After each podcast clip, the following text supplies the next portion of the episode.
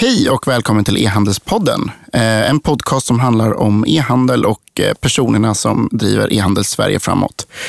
Eh, jag som gör den här podden heter Anton Johansson och är e-handlare själv på headler.se och hjälper även många andra e-handelsbolag och så vidare med, med rådgivning och annat. Ehm, jag skulle bara vilja ta tillfället i akt och, och tacka också för all fin respons jag får till podden. Ehm, ni är väldigt aktiva på Twitter och mejl och allt sånt där. Och fortsätt gärna med det. Det är bara att twittra och facebooka eller googla min e-post så hör av er. Ehm, jag skulle också vilja tacka vår fina samarbetspartner ehandel.se där ni hittar podden. Eh, Appear som hjälper mig spela in. Så vill ni göra podd eller ha hjälp med något annat som har med ljud att göra så hör av er till Appear. Och eh, jag skulle också vilja tacka den här veckans huvudsponsor vem är då det? Jo, den här veckan har jag Reko.se som huvudsponsor. Eh, det är nämligen så att Reko ska ta fram ett nytt e-handelserbjudande där de hjälper till med att samla in rekommendationer och recensioner från e-handelssajtens kunder och så kan man visa upp de här för att lyckas dra in nya kunder eller helt enkelt verka mer trovärdig. Eh, de håller på att ta fram det här så att vad Reko just nu skulle vilja ha är några testpiloter eller beta kunder.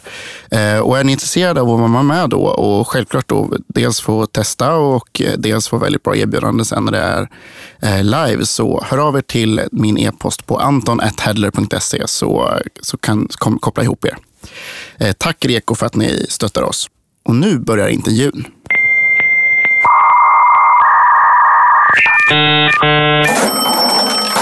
Hej och välkommen till e-handelspodden Sara Öhman. Hej Anton, tack för att jag får vara här. Um, kan du inte bara börja med att förklara vem du är? Eh, vem jag är? Ja. Eh, jag heter Sara Öhman. Eh, jag jobbar med, jag brukar säga digital marknadsföring för att det kan ju involvera ganska eh, många bitar i det där. Allt från eh, sociala medier till eh, ja, eh, köp, även köptrafik också för den delen. Eh, och det jobbar jag med om dagarna. Eh, idag som eh, frilansande konsult ehm, på lite olika bolag och tycker att det är jätteroligt med e-handel, framförallt för att när det finns produkter och tjänster att eh, för kunderna att köpa på nätet så man kan driva trafiken till dem. Eh, så det tycker jag är kul. Mm. Kul! Ja, det var ju, eh, vi, vi har ju känt varandra sen, sen förr, eller sen tidigare. Vi, har, mm. vi båda har jobbat med sociala medier i olika former. och så där. Men jag tyckte att det var intressant att få hit dig till, till Janspodden just för att du representerar en annan bit av, av eh, communityn som, man, som jag inte haft med så mycket här i podden. Eh, jag har ofta med entreprenörer eller så är jag ofta med tjänsteleverantörer som har byggt produkter som andra använder. Och så hoppas jag att jag kommer få med en del traditionella retailers som, som jobbar online med. Men det finns ju ganska många konsulter och frilansare runt alla de här som, som hjälper många eh, digitala eller e-handelsaktörer som man ofta, eller som jag i alla fall inte har pratat med i podden. Eh, så det blir kul att höra vad du har att säga. Ja, så får jag representera någon slags, börja representera, representera det. Det ska bli spännande. Ja. ja. exakt. Eh, men om man börjar innan då, du började jobba med det här. Du, ehm, du gick på Växjö universitet. Mm, Vad pluggade bra. du då för något? Jag pluggade affärsutveckling eller någon slags ekonomiutbildning. Faktiskt samma som Sixten Engström som du har. Han, jag tyckte han gjorde ett bra eh, intryck av den utbildningen som vi har gått eh, när han var här. Han gjorde mycket bra marknadsföring. Så eh, lite inriktat på entreprenörskap, lite, men mycket liksom, ekonomi och affärsprocesser eh, och så gick mm. den ut på. En kandidat på tre år. Mm. Och sen så ville du till Stockholm eller vad, ja. vad tog du vidare därifrån? Alltså jag vet inte, när, när, jag, när jag gick där så kom jag lite i kontakt med det här med sociala medier. Eh, vi hade någon föreläsare som var och pratade om det och jag tyckte det lät spännande så att jag började, började använda mig av det för jag tänkte att det var ett bra sätt att få jobb och få tag i folk för att eh, där jag kommer från Bollnäs från ursprungligen, det finns ju inte så mycket jobb för ungdomar så tänkte jag men det här kanske är rätt sätt att liksom marknadsföra eh, sig själv igenom. Eh, så jag började blogga mycket och kom där i kontakt med sökmotoroptimering och tyckte det lät jättespännande. Ehm, och så var det någon gång där eh, när jag bloggade så upptäckte jag också Twitter. Det var någon, någon kille som hette Agaton som, som helt plötsligt drev massa trafik till min blogg. Jag bara, vad är det här? Så då kom jag in och började använda det mer och mer, så här, mer proaktivt kanske. Eh, och så jag ska sätta på mig äran för att du började twittra? Det, det, det kan, kan man nog säga. Ja. Eller äran eller vad ska jag säga. Ja. Eh, vad det har blivit av det idag. Eh, men, eh, ja, men så därifrån så kom jag i kontakt med den här världen och, och folk som också jobbade med de bitarna och började jobba på en reklambyrå i Stockholm med ja, digitala kanaler överlag. Mm. Ja, men och, och, det var väl så jag um fick syn på dig från början, det var väl att jag läste din blogg egentligen. Mm. Ehm, och sen helt uppenbart måste jag ju spridit din blogg så att du kom in ja. på Twitter. Med. nu är du mycket bättre på Twitter än vad jag är. Men, ehm, men eh, det, det, är helt, jag tycker det är lite fascinerande hur många det är i vår bransch som har börjat med en blogg. Det, eller som man känner igen via bloggen från början, som man sen har träffat på riktigt. Dan Nilsson är en sån person också som man Precis. bara läste bloggen innan man träffade honom på riktigt och, och många andra. Ja, och jag tror att bloggen är väl ett, ett sätt att få utlopp för sen, någon form av nyfikenhet. Och, eh, idag finns det ju mycket utbildningar kring det här och så, men eh, på, då, på det sättet att komma i kontakt med folk och andra som jobbade med det här och utforska ja, men hur internet fungerar. Bloggandet var ju kanske en del av det, eh, ja, vilket gör att så vi många har träffats idag, tror jag. Eller träffades då. Så. Ja, exakt. Jag, jag tror att, men, men finns det någon, eh, fanns hade du något typ av intresse för internet eller, eller digitala saker eh, redan innan du började blogga eller du började få kontakt med den här världen? Eller, det, eller blev du bara intresserad av det för att du såg att det fanns en affärsmöjlighet eller jobbmöjlighet? Nej, jag måste faktiskt skylla på mina föräldrar för det här. Eh, de, de var väldigt tidiga med internet jag, eh, och framförallt kanske då Ja, men eh, de, de byggde hemsidor redan när jag var, var liten. Liksom, och eh, sen också näten. Så att jag har varit allt från liksom, serverhallar till att sitta när jag var yngre och så här, låtsas designa eh, hemsidor i Publisher, tror jag det hette då, mm. som min mamma visade mig. eh, så att jag har väl alltid haft ett ganska stort intresse av det överlag. Så. Det låter som ovanligt stöttande föräldrar in, in i den här världen. ja, men det kanske var det sättet, nu ska vi se, hoppas att inte de lyssnar på det här, men det kanske var det sättet så här, ja, men de visste vad, vad eh, ja, det var deras liv, liksom, så att det var väl den ja, världen in i det. Så. Mm. Eh, men, eh, och sen började du jobba och det blev ganska snabbt sociala medier om jag förstått det rätt, eh, som blev någon slags huvudspår kanske, eller? Ja, alltså när jag, blev, eh, när jag fick jobb på den här eh, reklambyrån, eh, Honesty, så, mm, som den het, heter idag, eh, så var det väl för, just för att jag hade bloggat mycket och liksom, de tänkte att jag kunde göra samma sak fast för deras kunder. Så. Eh, vilket var spännande, liksom att ja, helt ny, grön och färsk och sen försöka applicera det på Eh, på företag. Hur, alltså från hur en individ kommunicerar till hur ett företag ska kommunicera. Eh, och det här var ju 2010, så att det var ju väldigt nytt det här med sociala medier och att företag skulle finnas. Jag kommer ihåg att det var ungefär i samma veva som Facebook Pages lanserades. Det fanns ju knappt innan, innan det. Så. Men, men eh, och den, man ska väl också komma ihåg att den här byrån Honesty var ganska nystartad då.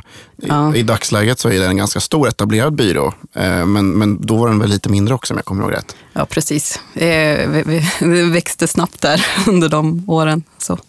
Så det måste också varit en resa att varit med på? Och, ja, det var och... jättekul. Alltså, det var ju en, en, en, stor grej att så, alltså, och väldigt modigt av dem kan jag tycka, att anställa någon så, så ung. Och, ehm, alltså, och eftersom just det digitala eh, var ganska nytt också, så fick man ju göra väldigt mycket olika saker. Eh, allting från att eh, sitta och produktionsleda skapandet av kampanjsajter och vi hade mycket utvecklare i Indien då, några också i Stockholm beroende på vad det var för sajt. Så det fick man ju sitta med och även utbilda då kunderna i sociala medier. Så det var väldigt brett och jag tror att det, ja, det var någonting man hade förmånen att göra då framförallt. framför allt. Jag tycker. Och jag kan tänka mig att det var mycket mer eh, utmanande att sälja in sociala kampanjer och, och alltså sociala medier till kunderna på den tiden än nu. Ja. Att, att då, eh, vad, kommer du ihåg några liksom, exempel på hur, hur svårt det var att få med sig folk? Eller? Jag kan tycka att det kan vara svårt eh, att få med sig folk redan då. Alltså det, det som har varit positivt överlag över de här åren är att de företag som vill satsa på de här kanalerna, de, de, de söker upp alltså företag som, som de här reklambyråerna och eh, oss konsulter också. Så att de vill ofta, men det är ju alltid så väldigt ifrågasättande kring vad det kan ge för affärer eh, mm. i slutändan. Man måste finnas, men vad kan det bli mer av det egentligen? Just det. Och vad, vad, eh, har du några, vilka varumärken jobbar ni med då? Var det, var det e-handelsbolag eller var det, var, vilken typ av företag var det egentligen? som? Eh, de jag jobbade mycket med just då var, var eh, det var Halebop och Pepsi, så mycket sådana ungdomsvarumärken. Eh, lite grann Folksam också, så här, något forskningsprojekt som de hade där. Eh, jag tror Scandic kom in under tiden också, eh, där som jag var där. Så det var mycket sådana som ja, Stora varumärken. Stora varumärken som ändå ville finnas där. Om, om man eh, tittar lite mer konkret, då, finns det någon, eh, eh, någon skillnad, ja, förutom då att Facebook Pages och sånt lanserades. Men vad skulle du säga största skillnaden i, i liksom, kampanjerna eller jobben man gjorde då för kunderna och jobben du gör nu för kunderna? Finns det, vad, vad har skett under de här fem åren sedan dess? Jag tycker att det finns jättestora skillnader. De flesta kampanjer då gick ut på att få eh, få mm, så potentiella kunder eller användare av, av, sociala medier att skapa saker själva. Det var mycket så här äh, ansökningskampanjer där man skulle spela in video på sig själv och tävla i olika sammanhang. Och, ja, men mycket där det krävdes av användaren att fylla i mycket saker själv och bidra. Eh, det tycker jag man går ifrån idag när man försöker göra det så lätt för alla som möjligt att aktivera sig med varumärken. Eh, så. Men det, det, som är så förvånande jag tittar tillbaka på den här tiden, att folk gjorde det också. Folk tyckte det var kul att dela med sig. Ja, det funkade det med. ja, precis. Så det är väl den största skillnaden. Alltså kampanjerna såg ut och man jobbar mycket mer med externa kampanjsajter också för att få det här att funka. Mm. Och nu mer kör man direkt på Facebook-sidan istället? Än ja, men på Facebook-sidan eller framförallt på sin egen sajt. Man kollar på hur man kan utveckla, för då var det så här, men vi har vår sajt, den driver affären, sen så kan vi göra någonting på sidan av för att engagera. Eh, och nu så börjar man fundera på, men hur kan vi integrera det här på sajten på ett smartare sätt för att ge utrymme för det. Mm. För att man inser att det finns ju ett värde i att ha trafiken på, all trafik på ett ställe. Så. Exakt. Ja, men jag, jag kommer ihåg, eh, på, det var en väldigt stor trend att man skulle ha bloggen på en egen domän. Att yeah. här, namnet bloggen.se istället för att ha det som integrerad del av sajten. Det, var, det, kan, det kan ju varit en intern politisk grej vet jag ibland också. Att, Väldigt ofta la, man, la man den utanför sajten så, så, så var den inte li, riktigt lika officiell längre. Och framförallt att det var så himla tekniskt svårt alltihop att lösa de här sakerna. ja. Ja, precis. Det, det, kan finnas sådana constraints också. Att det ja. då är svårt med teknik. Eh, och där jobbade du ett tag och sen mm. så började du jobba på ett företag som heter SearchMe. SearchMe, ja. ja berätta, eh. vad, vad var SearchMe och vad... Eh, nej men det var så här, jag tyckte att det var, eh, sen jag hade jobbat lite med, eller intresserat mig för sökmotoroptimering, som, det gjorde vi en del också när jag var på Honesty, eh, så tyckte jag att det var roligt att driva trafik och kolla men vad blev det av trafiken sen. Eh, det var jätteroligt att jobba och engagera och liksom skapa saker. Men jag hade ju läst affärsutveckling och tyckte det var väldigt kul med försäljning. Eh, så då av en slump så träffade jag en eh, snubbe som hette Stefan som jobbade på då något som hette CNCP, lät ju väldigt konstigt. Eh, det här var det som sen blev i Equity som pratade om att starta upp en underkonsultbyrå till deras e-handlare som fanns i den här, ja men, jag tror att de flesta av de här lyssnarna känner till den eh, risk, vet det, riskkapitalfonden. Mm. Ja. Eh, men som de, eh, för att ja, men, hjälpa dem med sökmotoroptimering och eh, sociala medier då, som jag skulle mm. starta upp där. och vilka bolag var det de hade investerat i som ni skulle jobba med? Det var... Ja, det var, vilka fanns inne då? White Away kanske? White Away fanns på plats. Foot Footway fanns på Footway. plats. Eh, under tiden då så hade de startat ett eget bolag som hette Endmotion som också var, sålde sportaktivitetsprylar. Eh, vilka mer fanns? Eh, Love Eyewear startade upp under den här perioden eh, och jag jobbade även lite grann med Stor och Liten som också fanns eh, då. Mm där. Eh, ja, det, de hade en ganska bred portfölj. Ja. En väldigt bred portfölj. Eh, av, ja. av e-handelsbolag. Ja, och det har de väl även idag. Ja, precis. Tror jag. jag. tror de har eh, ökat, eller de, de har sitt fokus på större e-handlare i dagsläget. Eller, ja. Eh, men då var de lite mer bredare. Det var ju, en del av dem var ju jättesmå, de här. Roll-up-kungen. Roll-up-kungen var det, just det. De är ganska, har blivit ganska stora tror jag. Ja, absolut. Det är fortfarande. Men, eh, och, och då skulle ni då, för de satte ihop då ett, ett, en konsultbyrå kan man säga, som skulle stötta de här bolagen. Ja, precis. Eh, så, eh, ja, men, så vi jobbar med sökmotoroptimering och sociala medier åt några av bolagen. Eh, så. Vilket var jättespännande att komma in i den världen och försöka få, få trafiken att rulla på lika bra med ja, sökmotoroptimering kanske var en, en mer självklart sak att konvertering också, men då sociala medier och konkurrera med eh, PPC och SEM och de bitarna eh, var en utmaning. Och där handlar det ju verkligen om att alltså, sälja in sociala medier. Varför ska man lägga så mycket tid på, på det eh, och resurser av olika slag? Eh, när, an, när andra saker kanske kan ge mycket bättre eh, resultat i slutändan.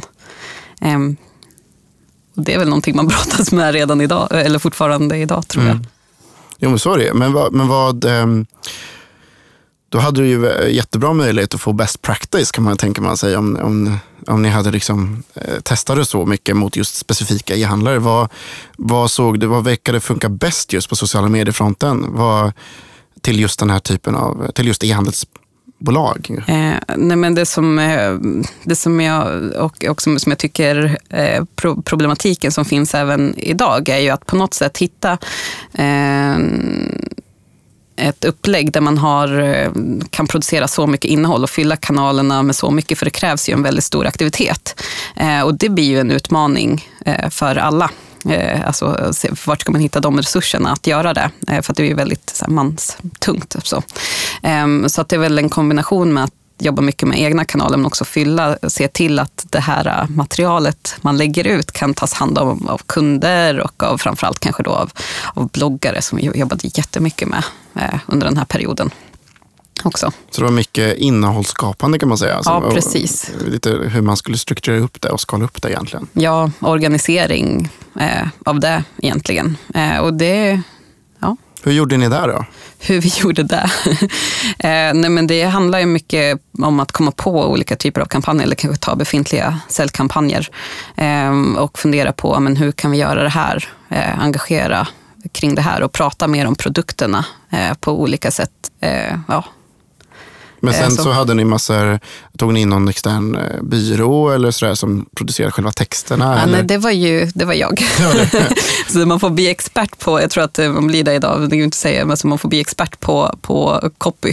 Mm. Ehm, för att det handlar ju om att testa mycket saker, alltså testa mycket olika budskap, alltså eh, olika typer av bilder och olika typer av liksom, färg och form för att se vad folk klickar på egentligen. Ehm, samma sak som ja, med en AdWords-annons. Alltså vad, vad är det för text som, som attraherar här? Så att, eh, och eftersom man, om man inte har så mycket resurser och behöver testa eh, de här sakerna, tror jag många kan känna igen sig i, så handlar det mycket om att ja, men, bli en enmans produktionsbyrå. så, eh, vilket man får lära sig, alltså testa sig fram. Eh, och det som var bra med just den här tiden då var att det kanske inte ställdes lika hög, höga krav på just vet du, produktionsvärdet. Alltså filmerna behövde inte vara lika crisp och det var okej okay med att liksom, ha Instagram-foton på, på sin Facebook-sida. Medan man nu ser att ja, men det, det, ställer högre och högre krav på vilket innehåll som, som är i sociala kanaler för att vi ska engagera oss i det. Mm. Men, men vad, eh, jag skulle säga ändå lärdomarna, eh, om du testade så mycket, vad, vad, vad var det som funkade bäst? Finns det någon,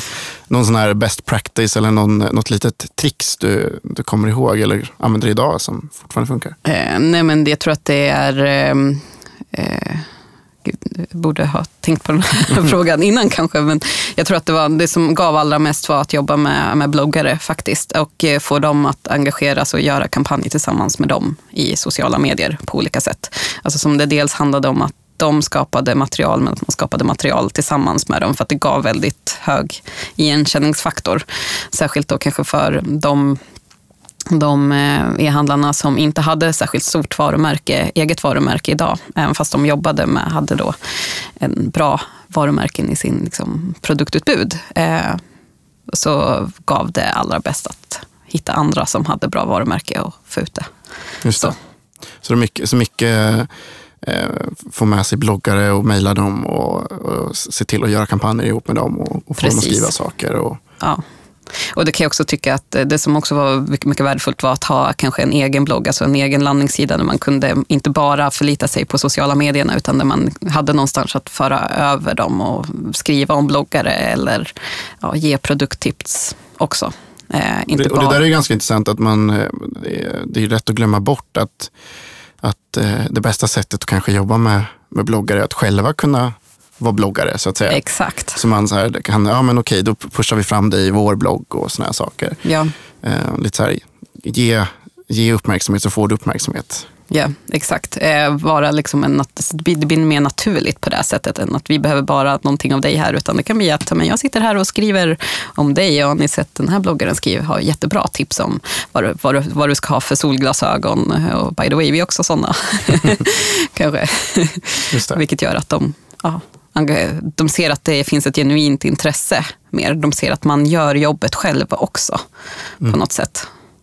Fanns det, en, eh, fanns det någon så här samarbete då med de som jobbar med sökmotoroptimering då på SearchMe också? Att ni försökte göra det för att skaffa länkar också? Eller fanns det någon sån eh, samarbetsgrej som ni jobbade med? Eh, nej, det var, väl, det var väl överlag så att man kollade på, men, eh, jag vet inte, nu ska jag inte säga, men SEO, eh, sökmotorlänkanskaffning generellt har väl varit mycket så, eller var mycket tidigare tycker jag att så här, här får du ett presentkort eller liksom att tävla ut. Eh, medans eh, man ser, alltså, jag tror inte, blogg, väldigt få bloggare idag och då också började, man tycker inte att det är så kul att göra det. Så att istället kolla på men hur kan man göra större kampanjer som involverar, eller aktiviteter som involverar fler och som det liksom blir något, finns något naturligt att kommunicera kring istället för just det där äh, enstaka utbytet. Sådär. Just det.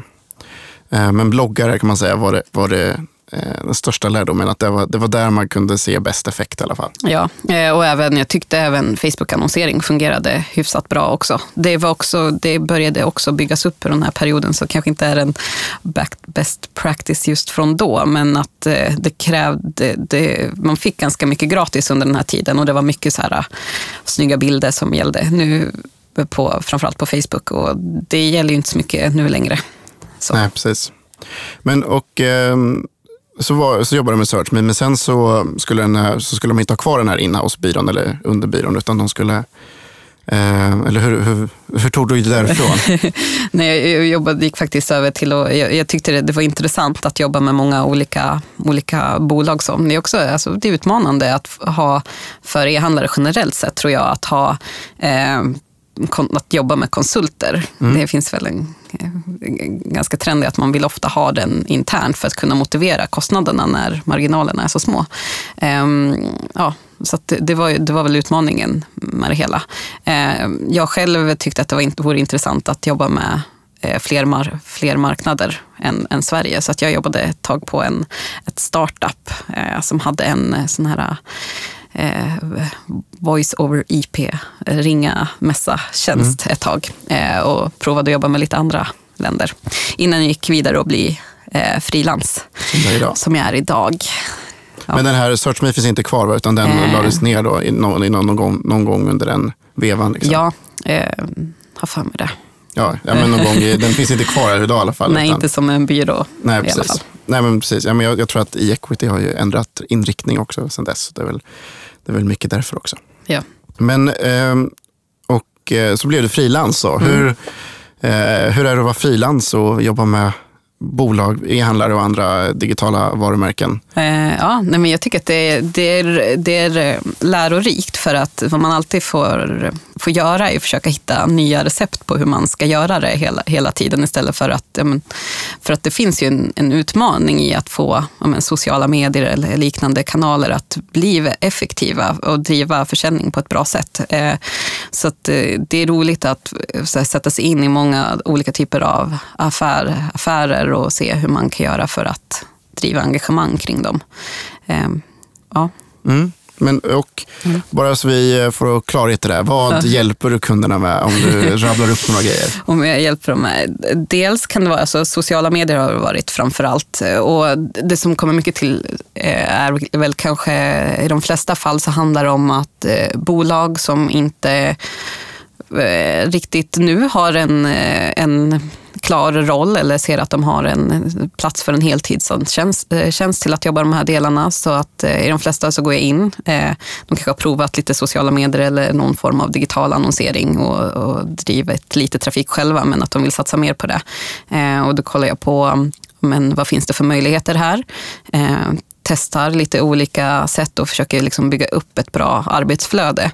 Eh, oftast jobbar jag kanske tre till sex månader med dem innan jag, eh, de anställer någon annan eller att jag har lärt upp någon eh, på bolaget. Kanske oftast här det sen, finns någon marknadsassistent eller kundservice som vill utvecklas på något sätt och jobba själv med de här bitarna. Eh, så det är vad jag gör allra mest och det har allting med, eh, alltså, det, nu har jag jobbat som frilans i kanske två år. Eh, och det, jag har fått göra allting från att eh, ja, men, som sagt, sociala mediestrategier blir det ju såklart mycket. Eh, nu pratar vi även mycket content marketing, så att det var mycket sådana kampanjer där jag kanske är mer projektledare och så här, spesar vilket innehåll som behövs. Men jag har också så här, spelat in filmer, skrivit jättemycket olika Facebook-poster och pressmeddelanden och gjort mycket bloggar, outreach och ja, men även skött olika annonserings eh, ja, verktyg eller annonseringsmöjligheter. Så. Mm. Och nyhetsbrev och, och ja, den typen av, av Nyhetsbrev också, ja. Mm. får inte glömma det. Nej, precis. Men, men eh, generellt inte så mycket eh, annonsering. Det är inte det som är fokuset utan, utan mest content marketing och sociala medier. Och, Precis. Alltså, och, det, det, är fokus på vad är det vi ska kommunicera här och mm. vad är det vi ska göra för att få eh, kunderna att eh, att tycka att det här är relevant och vilja handla av oss och på något sätt komma in på sajterna. Och annonseringen blir ju en del av det. Alltså det blir ett sätt att sprida det på. Eh, mer, mer, så. Men jag skulle inte säga att jag är en annonsexpert. Det finns de som är mycket, mycket duktigare än mig på, på de bitarna. Man går inte för till dig för att lägga 100 miljoner på Google-annonsering. jag tror, vet inte ifall det skulle bli jättebra. Men eh, jag tänker att du, du är ändå lite man hör det här, komma till det här hela tiden, men är inte ett av problemen med just den här typen av, eller problemen, eh, en av de som gör det svårt att, att sälja in både internt och få det att funka riktigt bra, är att det, är, att det inte bara är annonser eller det inte bara är marknadsföring utan det är även i kommunikation och branding egentligen. Att en hel del content marketing och sociala medier kanske inte går att mäta till ren försäljning direkt, utan det är mer ett löpande arbete för att öka, öka varumärkeskännedom och sälja in konceptet för, för kunderna och få folk att vilja vara intresserade och gilla varumärket och sådana saker. Och, och det, är, det, är väl det som är svårt att mäta antar jag?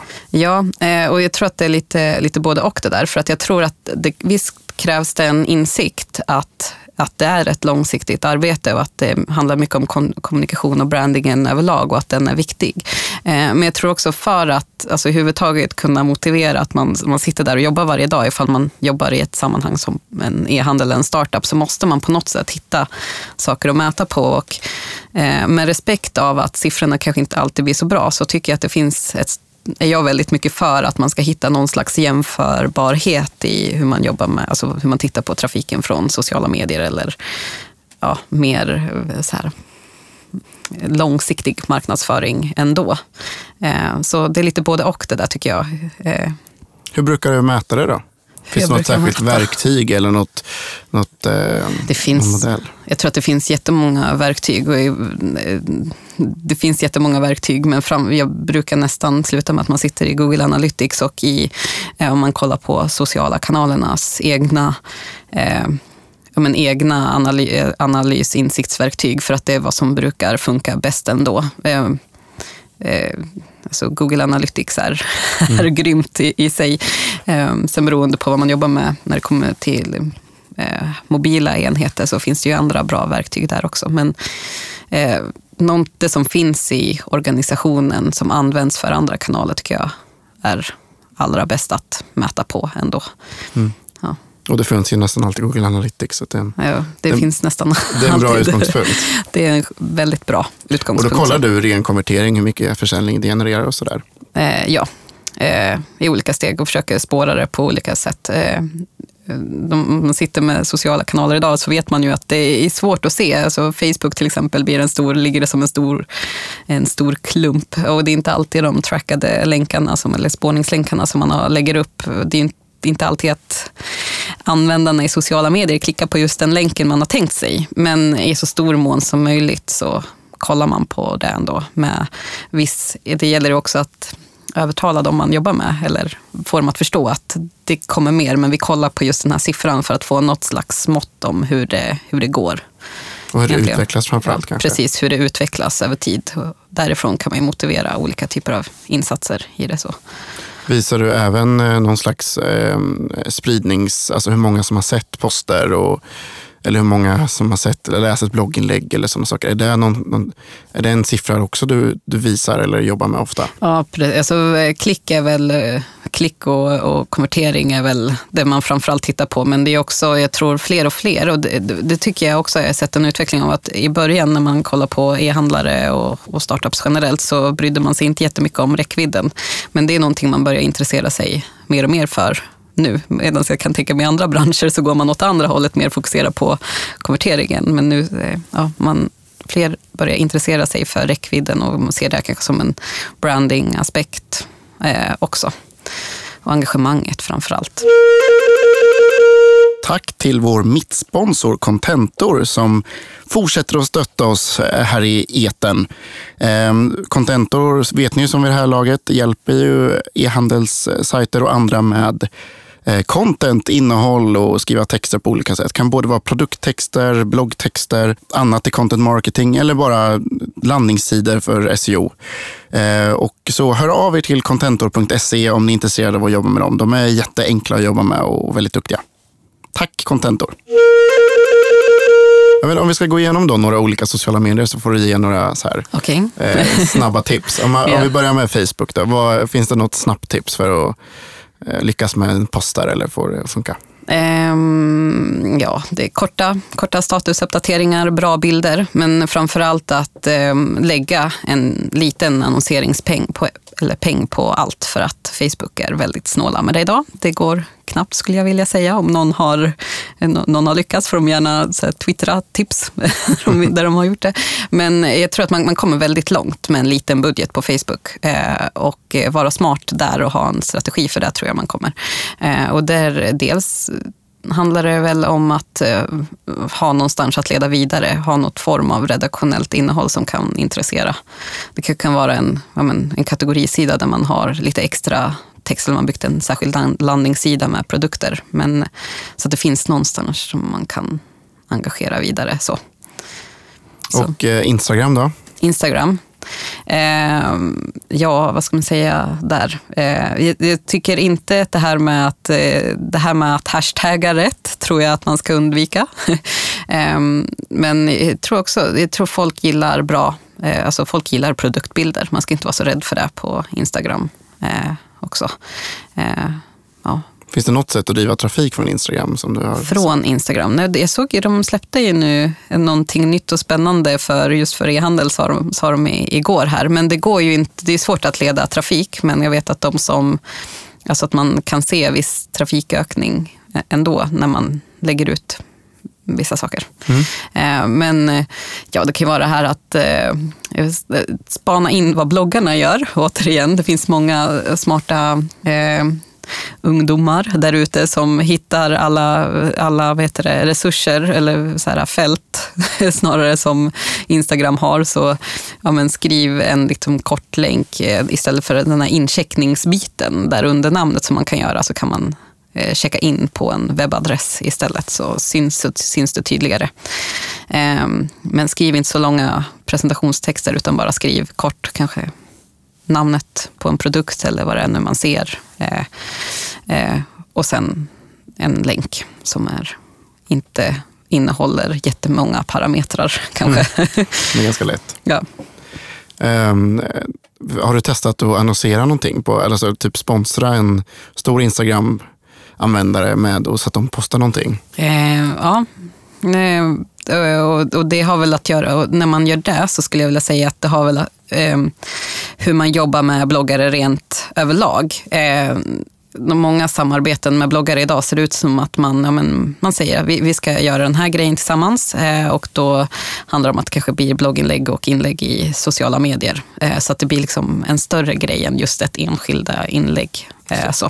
Så det är sällan bara en Instagram-post utan ofta ett blogginlägg och en Instagram-post och Ja. något mer. Ja. Precis, och kanske material till liksom sin egen, en, ens egen konto Mm. också. Och, där, och det är ju kanske ett av de mest effektiva sätten att driva eh, heter det, trafik eller följare till sitt eget konto på Instagram tror jag, att få andra som instagrammar om en eller hänvisar till en. Mm. Eh, Så tror jag. Eh, många, men där kan, på Instagram kan man också gå in och mm, kolla, alltså man ska ha sin hashtag, kolla på sitt varumärke och alla som har likat det och gå in och lägga en kommentar. Jag tror inte att det, det räcker inte med att bara lajka bilden utan man ska även kanske ge en tumme upp eller liksom lägga någon sån här fin emojikon eh, som kommentar istället. Eh, det bygger mycket omtycke. En like inte. Vad tror du om YouTube då? Vad ska man göra där? Oh, ja, men det, det är spännande och det, där tror jag att det finns eh, eh, mycket mer att göra. Jag tycker att man ser väldigt få eh, företag idag som gör det riktigt bra. Eh, men alltså, fortfarande, jag förstår inte varför inte kommit mer produktfilmer på Youtube eller liksom inspirationsfilmer överlag, produkttester. För att man har pratat mycket om det men jag tycker inte man ser det så mycket. Jag tycker man ska våga lägga ut korta klipp. Och Men även- jag, jag vet eh, Fyndex till exempel, de, de har ju, deras kunder lägger ut såna här howls eller vad det kallas här. Ja. Där deras kunder, alltså deras, där eh, främst unga tjejer lägger ut bilder på när de öppnar paketen från Fyndik och så här. Ja. Ehm, så att det, är, det är ett ganska stort fenomen som jag förstår det. De har flera hundratals sådana filmer där deras kunder lägger ut filmer på det. Ja, Eh, så att, ja, nej, men du har nog rätt i att det, bo, det, folk kanske vill titta på sånt. ja men folk, och det, det vet man ju själv, man, hur man hamnar ibland i den här YouTube-loopen när man bara sitter och klickar vidare på filmer som har med olika saker att göra. Och YouTube är också ett jättebra, alltså de, YouTube är väldigt bra på att hjälpa en att kolla på relaterat innehåll också, vilket gör att man kan hamna i den loopen. Så det är jätteviktigt att sätta rätt tag, tags och skriva rätt ja, beskrivningar och så. Och ganska lätt att promota med pengar också, precis som på Facebook. Ja, men precis. sin- sin- är, eh, man kan få mycket för, för lite, tror jag. Än så länge i alla fall. Än så länge. Så det är bra att satsa på alla de här sakerna Mm. så tidigt som möjligt, tror jag. Exakt. Och eh, du är ju värsta bästa twitter, twittraren. Ja. Eh, har du, skulle du säga att det är ett bra, en bra kanal för företag att jobba med? Eh, framförallt när det kommer till kundservice. Eh, alltså kolla på ASOS, vad de gör. Det man vill ju nästan prata med ASOS. Man vill, även fast man inte har någon riktig eh, fråga så vill man ju när man har beställt prata med dem på något sätt ändå. Eh, så att det är ju mest kanske, eh, det tror jag gäller mycket att utbilda sin kundserviceavdelning till att, att, att prata med dem och fundera på hur man kan engagera kring det. Sen så tror jag att där kanske man inte behöver vara lika fokuserad på att skapa innehåll själv till. Eh, utan mer så finnas på plats och tipsa. Och, vi har ju... Ja, du En konversationskanal på något sätt. Precis. Vi har ju det här bra exemplet, Headler-exemplet. Alla som twittrar om hörlurar får ett tips, eller hur? Ja, exakt. Nej, det kanske inte alla, men om, om man säger att ens hörlurar har gått sönder så, Ja. så brukar vi ibland gå in och svara och säga att här är någon som vill, eh, vill du inte köpa hos oss? Får, Ja. Här får du lite rabatt eller någonting. Där kanske man får vara lite, en del kan ju vara känsliga för, eh, tror jag att du har upplevt också, så man, man får ha lite viss känsla för vilka man, man tipsar till. Vissa tycker om att bli hörda, vissa vill inte alls bli hörda. Eller? Nej, men det är annars ett väldigt bra eh, tips tror jag. Att, alltså man ska använda kanaler och leta efter behov. Att, jag tror Mm. att eh, många, alltså en av de bästa grejerna med internet är ju att folk faktiskt pratar massor. Ja. och att det går att söka på vad folk säger. Eh, det, har ju, det är ju så både på Twitter och framförallt bloggar funkar det väldigt bra på. Att man kan gå in och söka på bloggar eller på Twitter och säga så här, ja nu har jag, nu vill jag köpa en högtalare, vad ska jag köpa? Mm. Och då kan man ju som företag gå in och säga, hej du, här har vi lite tips. Eh, här får du lite rabatt eller skapa något mervärde. Och så får man en, eh, då har i princip den personen bett om att Exakt, Att få att tips. få tips om.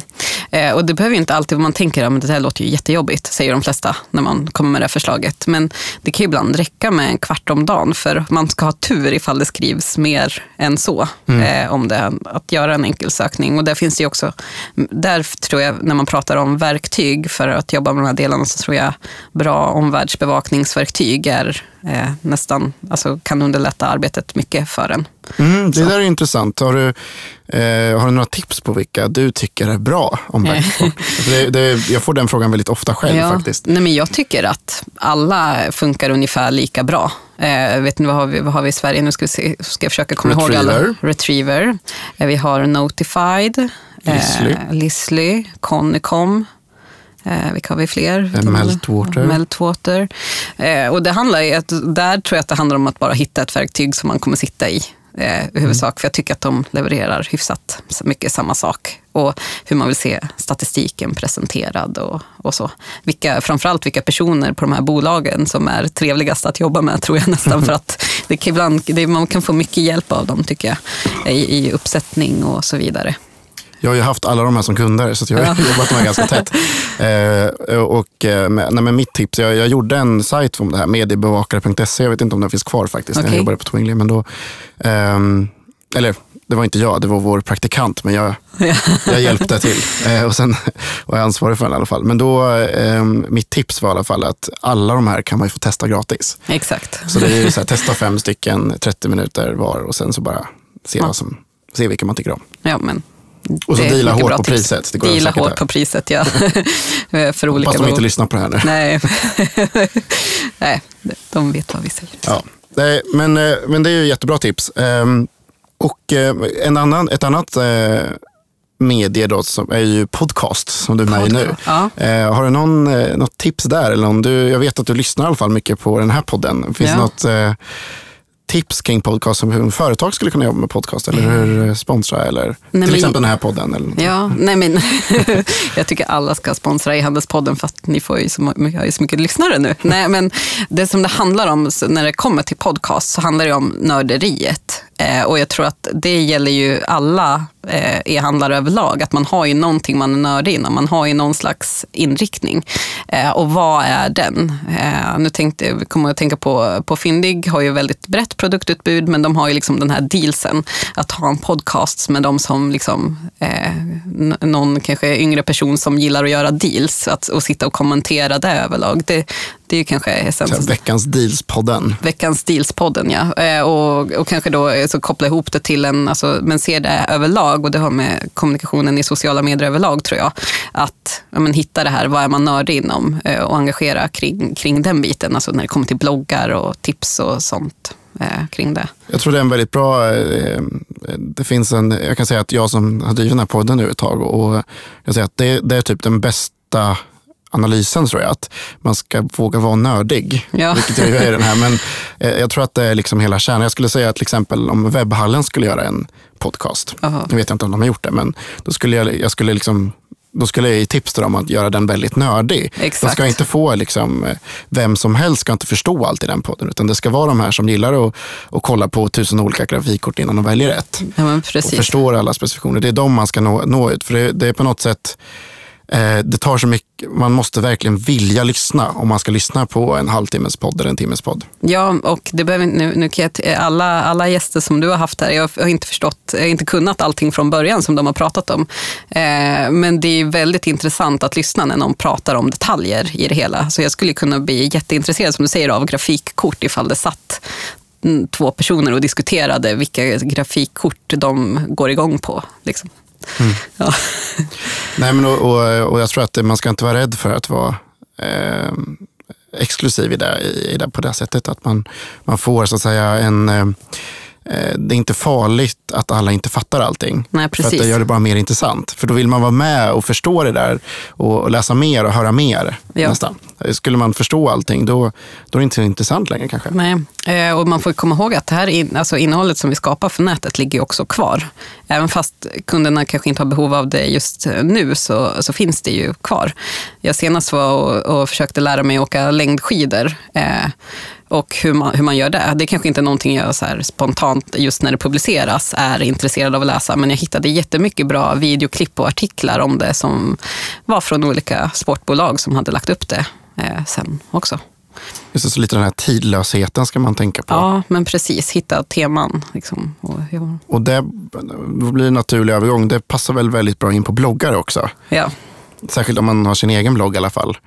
Att man skapar innehåll som kan vara intressant även om, om tre år. ja, exakt. Eh, Eh, och, och, också därför våga vara produkt, produktnörig. Man tänker ju att det är jättefarligt att kommunicera kring produkter och specifika saker för sig, men det tror jag att det ska man också våga göra. Men som säger, och det är också tidlöst på ett sätt också. Även fast kanske just produkter kanske inte alltid finns mm. kvar. Men, för, för, ja, men våga försöka förklara kärnan i det hela, eh, det man säljer.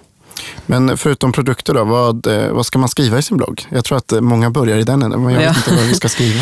eh, jag brukar tänka att det finns ju olika saker, alltså, bra att hitta olika teman som man kan hålla sig till. Och då kanske det, produkterna kanske är en sak, alltså det blir väldigt tydligt. Men också, ja, men säljer du grafikkort, ja då kanske jag vet inte, nu är jag, jag, jag är bättre insatt, men sportprodukter till exempel. Ja, men, gillar jag skidsport? Ja, vad, finns, vad handlar den livsstilen om egentligen? Eh, ska jag skriva om eh, så, bästa eh, restipsen för dig som gillar skidor. Eller liksom försöka hitta olika sådana teman.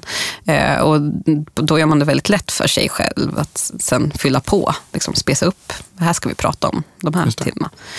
Eh, kanske företaget eh, i sig också har man några saker. Men framförallt produkter och livsstilen kring produkterna tror jag. Vad, förutom då sin egna blogg, om man ska jobba med andra, andras bloggar eller mm.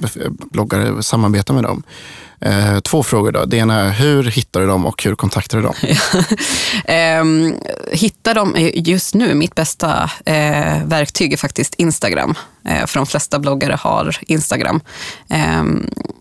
Och, eh, för där tror jag folk taggar varandra och hittar väldigt rätt. Så det är lätt att, eh, när det kommer till att hitta bloggare, så eh, för mig handlar det mycket om att hitta kluster av bloggare. Vilka är kompisar med vilka i olika sammanhang? Ehm, och försöka förstå liksom, deras värld. så Instagram använder jag jättemycket idag. sen så finns det också, man kan ha hjälp av olika SEO-verktyg att hitta olika länkar in från bloggare. Med, alltså vilka länkar till den här bloggen till exempel. Alltså kolla på dem kan också vara ett bra, en bra idé. Eh, eller olika eh, listningar. Eh, så kolla på olika, har man, säljer man, är man återförsäljare av olika varumärken så kan man kolla på vilka som skriver dem, om de redan då, alltså göra klassiska vanliga Google-sökningar och försöka bedöma dem. Men sen hur man kontaktar dem är också en intressant bit. Har man tid så tycker jag att man ska bli en av bloggarna eller liksom en, en i gänget Eh, det har varit det mest, allra mest effektiva för mig, att försöka ha ett bra personligt varumärke så att de ser att jag är en genuin person som är intresserad av dem. Eh, men annars så, och, och, och det är man ibland, ibland är man inte det, men jag tycker mail är väl det allra eh, enklaste. Så jag brukar också använda Twitter, men det är också återigen mitt eget personliga Twitterkonto som jag använder för att ja, men, bygga relationen till bloggarna. Mm. Så. Men skulle du säga då att det vore att är man eh, ett varumärke som vill nå unga tjejer så, så ska man anställa då en ganska ung tjej som redan är med i det här bloggsfären då för att, för att nå ut till dem. Eller är man webbhallen så ska man eh, anställa någon, någon eh, nördig person som älskar grafikkort? Eller vad, vad ja, alltså jag tror att det beror nog på vart man vill lägga ansatsen i det hela. Eh, jag tror att de flesta bloggarna idag blir ju mer, alltså de blir proffs mer och mer. Eh, och eh, och, och, därför är de mer vana att jobba med företag också. Så att en, en, de är ju väldigt vana att ha kontakt med en PR-person och de vet vad, vad, som, vad det innebär att bli kontaktade. Just därför tror jag att mail funkar i alla, alla de flesta fall. Eh, men det får man komma ihåg att de ställer mycket högre krav också. Men jag har sett jag hörde ett jättebra tal och nu är det så synd för att jag kommer inte ihåg vad hon hette, men en tjej från Oakley som pratade. Hon var, hon var en del av liksom deras community från början. Oakley gick in och sponsrade henne eh, och sen så kom det till att hon var liksom ansvarig för att hålla relationerna med, med bloggarna som de jobbade med, liksom, eller inf, det, the influencers. Mm. Eh, och sen, ja, så man hittar ambassadörer man jobbar med för att bygga relationerna eh, överlag. Så, så att ja, det kan vara en, en bra idé ifall man verkligen känner att man vill, vill satsa på det. Eh, så kan det vara en bra idé att göra det. Mm. Så. Om man, eh, och slutligen då, för om man tittar på några olika sociala medier. Jag tänker det finns, det kommer ju massa nya sociala medier hela tiden. Ja. det här är också en sån fråga som dyker upp hela tiden tycker jag. Eh, eh, vad är det i olika sammanhang. Ja, ja, men så här, vad, hur snabbt ska man hoppa på nya? Och två sådana kanske skulle kunna vara, nu är inte de jättenya, men Wine till exempel, den här Mm. eh, appen där man kan lägga upp som GIF-bilder eller vad man ska säga och eh, små korta klipp och även Pinterest till exempel. Ja. Eh, båda de är ju ganska stora, men, men borde man jobba med dem eller finns det någon poäng i det? Jag tycker att man ska, eh, generellt när det kommer till sociala medier, så tycker jag man ska prova mycket. Eh, alltså, det som oftast är svårast när det kommer till sociala medier är ju att skapa innehållet för det. Eh, men när du väl har alla bilder och sånt på plats, varför inte prova att lägga ut saker och se vad du får för gensvar? Eh, eh köra och bestämma sig för att vi testar det här i tre månader och på, vi vill lägga det på den här nivån. Men eh, eh, Ja, och sen så utvärdera och se vad det ger. Gav det oss någonting eller ska vi vänta eh, med det? Så eh, ja, men, våga prova egentligen. Om man har det och framförallt se om man har en bra idé och utvärdera sen. Eh, ja. Mm. Jag tänker om man ska gå tillbaka till dig som, som frilansande konsult, eller man ska säga. Ja. Eh, hur ser din affärsmodell ut? Hur tar du betalt av företagen du jobbar med? Eh, Men på något, jag brukar väl utgå från någon form av, av timpris. Så. Men sen så beror det på hur mycket tid jag lägger på, på, på Har du någon företaget. slags löpande rutiner då på x antal tusen i månaden ibland? Eller, Ja, I de eller, fl- flesta fall så, så jobbar jag på det sättet att men, de får dela på min arbetstid helt enkelt. Och, eh, då bestämmer man sig, eller så jag har gjort så i alla fall, att jag bestämmer vad jag vill ha i lön i månaden. Eh, och sen så fördelar jag upp den på ja, de bolagen som vill jobba med mig eller som jag kan jobba med. Och det där kan ju mycket gå upp och ner också, så här, hur mycket man jobbar med ett bolag. Jag brukar kanske men, säga att så här, men vi ska jobba 30 procent nu, ni får 30 procent av min tid eller jag ska jobba 30 procent mer. Eh, men sen så ser man att ja, i vissa fall så kanske det behövs mer över tid. I vissa fall så, men nu kanske vi, det här är den, över den här perioden som vi är i just nu, vi håller på att lansera något nytt projekt, så, mm, så kan vi inte jobba så mycket med de här bitarna, utan då får man dra ner på det. Men jag jobbar ganska mycket så med alltså löpande uppdrag som man får jobba med dem över tid. Så. och eh, bara så att vi har eh, berättat det också, några av de kunderna du jobbat med, eh, kan du nämna några? Eh, ja, den senaste, senaste tiden menar du? Ja, eller, Eh, eh, senast har jag jobbat med eh, Electrolux, jag har jobbat med Oriflame, så jag har jobbat lite grann med Forma och sälja prenumerationer. Eh, jag jobbade ganska mycket med Bilogram förra året. Jag gillar ett jättehärligt företag där jag gärna skulle ha stannat längre. Och det var så här, det har vi problematiken i, ja, men man blir mycket kär i sina kunder och, och alltså man engagerar, eller så här, jag ser det som att alla de, på de folk på de här bolagen är mina kollegor. Eh, vilket är det roliga med att vara. Man får jättemycket kollegor samtidigt som man ändå är ganska ensam. Eh, så de jobbar jag lite med. Jobbar mycket med att starta upp Teligo. Jobbar jag lite grann med. Eh, Happy Pancake, jobbar lite med dating där. Det var jättekul också.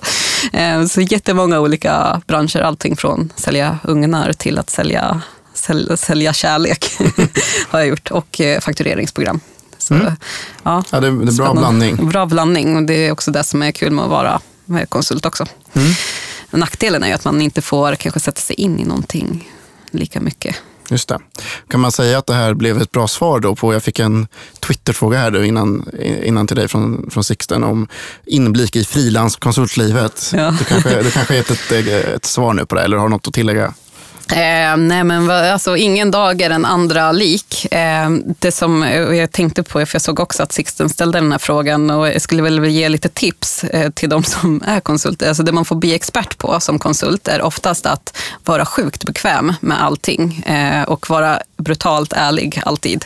Eh, som det bästa, det bästa feedbacken jag gillar att få från mina kunder är, förutom att jag är engagerad och liksom brinner för uppgiften, så är det att vara easy going. Alltså, de kan bara komma till mig med vilka problem de än har och bara lösa det. Eh, liksom. The go-to girl Precis.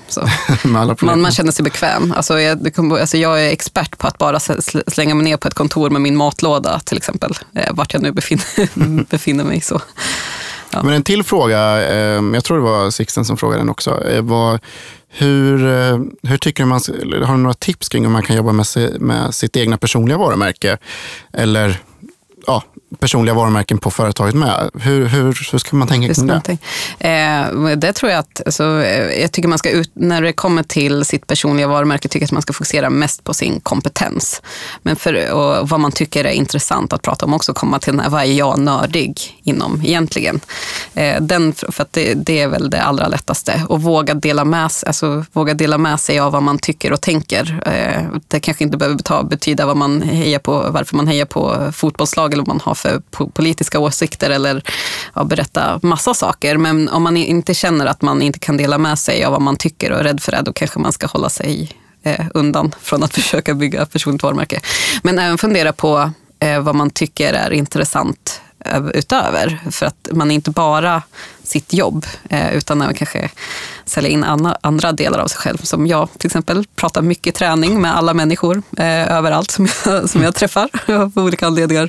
Ehm, för det blir också något sätt att man, alltså man får ett annat gemensamt plan att prata om i en, eh, i en mer trovärdig och nyanserad bild genom att inte bara visa hur bra man är på jobbet utan även hur ens liv ser ut. Exakt. Men, det, men du är ju ett väldigt bra exempel på brutal transparens på något sätt. ja. Det finns ju, det finns ju få människor tillbaka. som delar så mycket sociala medier som du.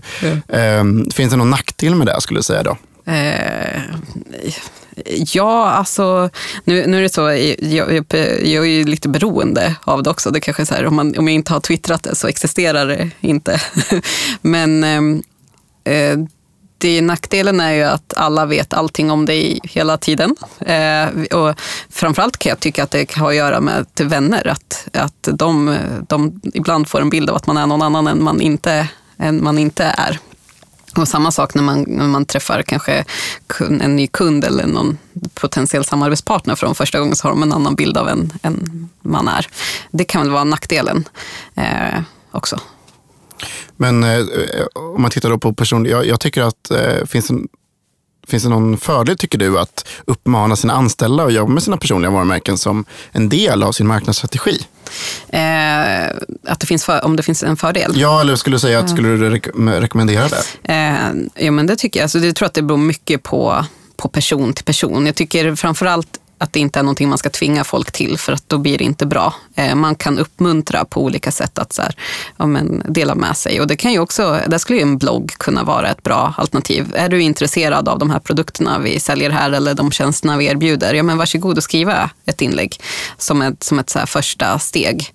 Eh, det är okej okay att du har ett Twitterkonto som du eh, använder på rasterna. Eller liksom på, sitter med på lunchen. För att dels är det bra ur liksom, få folk att anställa. För att det är väl ett stort problem inom den här branschen att hitta liksom, rätt folk. Eh, ja, men så att man ser att man får liksom representera sitt företag och att det är, att det är okej okay att säga att men, du jobbar här. Mm. Ja. Om, om man eh, tittar på eh, om man tittar på e-handelsbolag generellt. Jag vet ju att du ändå har lite koll på branschen och, och kollar på folkmarknadsföring. vad, vad skulle du säga eh, tycker du är intressant som händer just nu? Finns det någon, några särskilda trender eller eh, några särskilda bolag du tycker är särskilt spännande? Oh, eh, ja, men det finns eh, eh, mycket. Det som jag tycker är mest intressant nu är att hur man, alltså för mig som marknadsförare, hur man lyfter blicken lite grann. Att från att komma till att eh, gå från att så här, driva försäljning är såklart viktigt, men hur gör man för att kunderna ska återkomma och man fokuserar på hela kedjan, alltså allting från den första kommunikationsbiten ska ska, sitta rätt till man får liksom paketet hem och hur man, hur man får liksom paketet hem och ja, hur servicen är i biten. och att eh, jag gillar jättemycket ett exempel för Black Milk Clothing, ett australiensiskt märke. Och eh, sättet de skriver sina brev på har liksom sån tonalitet och kundservice ska också ha liksom den här speciella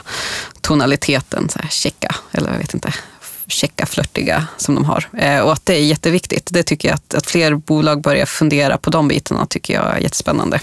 Att hela alltså, bolaget tänker marknadsföring egentligen, att alla exakt. bitar ska, ska synkronisera. Bra formulerat. Ja.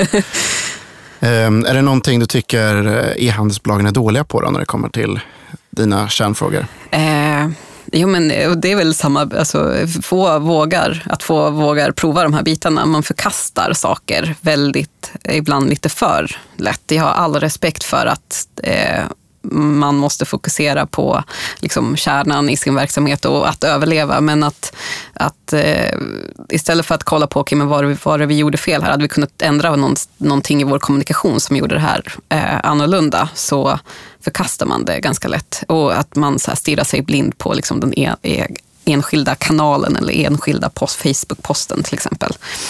Eh, man ser inte det långsiktiga. Man ser inte det långsiktiga eller liksom helheten i hur, ja, hur man kommunicerar så.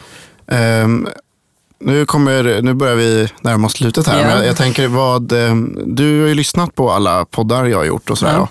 Ehm, och en väldigt hängiven lyssnare har jag uppfattat Ja. det som. Ehm, vad, eh, vad tycker du jag ska eh, göra bättre med podden? Vad tycker du jag ska fråga mina gäster mer? Eller vad, vad kan jag förbättra? Alltså det, som jag, det som jag gillar med podden är att du är väldigt insatt i alla frågor, så att du är väldigt bra på att gräva fram konkreta eh, tips så, eh, överlag. Så att det blir väldigt konkret. Eh, kanske gräva fram visionärerna i, i eh, hos gästerna, eh, mer än att fokusera på vad de har gjort. Utan även så här se, men, eh, för jag tror att det som podd, den här podden gör, som är väldigt viktigt, många lyssnar och lär sig jättemycket av den, men eh, det krävs också, så här, men vad ska vi göra framåt då? Vad, vad blir liksom nästa steg i det här om vi ska bli ännu bättre? Eh, för, att- så Sveriges e-handelscommunity är väl liksom ett av de starkaste liksom kunskapsdelande eh, kärngängen. Alltså jag tror det ser man så sällan liksom branscher man jobbar så mycket tillsammans i och delar så mycket kunskap och vill på något sätt tillsammans växa eh, den här biten. Alla jobbar för att e-handeln ska växa. Eh, Så vad kan man liksom göra för att få, nu är mycket Sven- Sverige här, men vad kan vi få för att liksom lyfta det här i Sverige och få ja, inspirera folk till att handla mer på nätet? Ja, men då frågar jag den frågan till dig. Då. Vad, både, både själv, vad är dina planer och visioner och vad, vad tror du, eh, vad skulle du vilja se branschen ta vägen eller det, och marknadsföring ta vägen? Eh, Nej, men jag, alltså, som jag, det jag nämnde, alltså, försöka få, alltså, hur ska man skapa den här kedjan till att alltså, ge kunderna en, en övergripande, bättre upplevelse när det kommer till interaktion med varumärket, handla mer och liksom medvetet välja att e-handla och tycka att det är kul att e-handla. Som, det är fler som liksom känner den här, alltså, så här på jul, alltså e-handeln, kärnan i e-handelskänslan är ju att så här, det är lite så här julafton fast jag får välja mina paket själv. Liksom. Eh, och då sen får jag sitta och vänta på dem och så kommer de. Och, ja, men det är lite, lite, lite det som är känslan. Eh, och hur kan man göra den här känslan ännu bättre och ännu starkare? Eh, Det tycker jag fler ska jobba med och det är någonting jag vill jobba mer med också. Är det din vision av vad du vill jobba med tror du? Vad sa du? Är det din vision av dig, vad du själv vill jobba med också? Eh, ja, det tror jag. För det, du, du har inga konkreta planer eller, eller eh, projekt på G som, som vi kan få höra om? Eh, jo, men det in, in, nej, inte som ni kan få höra om just nu, men jag har planer på som involverar de här. Alltså det jag längtar efter. Jag har frilansat och gjort mycket olika saker på eh, många olika bolag nu, men att få jobba med att bygga upp någonting mer långsiktigt är väl mitt Mm. nästa steg. Så. Du vill inte bygga en byrå då med det att göra fast du har massa Ehm, kollegor? Det skulle kunna vara ett alternativ. Mm. ett annat alternativ kanske skulle vara att jobba eller liksom starta upp en e-handel själv. Eller, ja, Kul! så. Mm. Ehm, och den här frågan brukar jag fråga, det vet du ju. Men vem tycker jag ska intervjua i podden här? Oh, eh, jag, tänk, jag visste ju att du skulle fråga den här och nu vet jag att du pratar, tänker jag på, för att representera, representera oss konsulter till e-handel och jag tror inte det här svaret kommer förvåna dig, men Anneli Näs tycker jag är briljant på när det kommer till kolla på många olika de- delningar, så allting från hur bygger, du en, hur bygger du en sajt som konverterar optimalt till betallösningar och allting sånt. En, där har du en nörd utan dess like. Ja. Bra tips! ja, Ja. tycker jag. Eh, har jag glömt att fråga något som jag borde ha frågat dig? Eh, inte vad jag kan komma på just nu. Nej? Nej. Tyckte det var kul att vara med i podden? Jag tyckte det var jättekul att få vara med. Ja. Jag är ju, ja, det här, e-handel är ju det roligaste, tycker jag. Bra avslutning tycker jag. Ja, vad bra. Men eh, vad roligt att du ville vara med. Ja, tack för att jag fick vara med. Ja, och dig hittar man ju på eh, Sara Öhman på Twitter. Precis, Sara Oman överallt med OH. Ja. Mm. Tack för att ni lyssnade.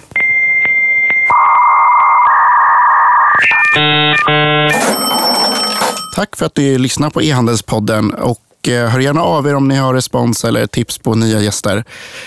Ni hittar mig, Anton Johansson, på Twitter under namnet Agaton. Jag skulle också vilja tacka Aper som hjälpt mig spela in e-handel.se där jag publicerar podden. Eh, och såklart till veckans huvudsponsor reko.se. Hör av er till mig om ni vill vara med och betatesta den här tjänsten. Eh, och på återseende snart igen.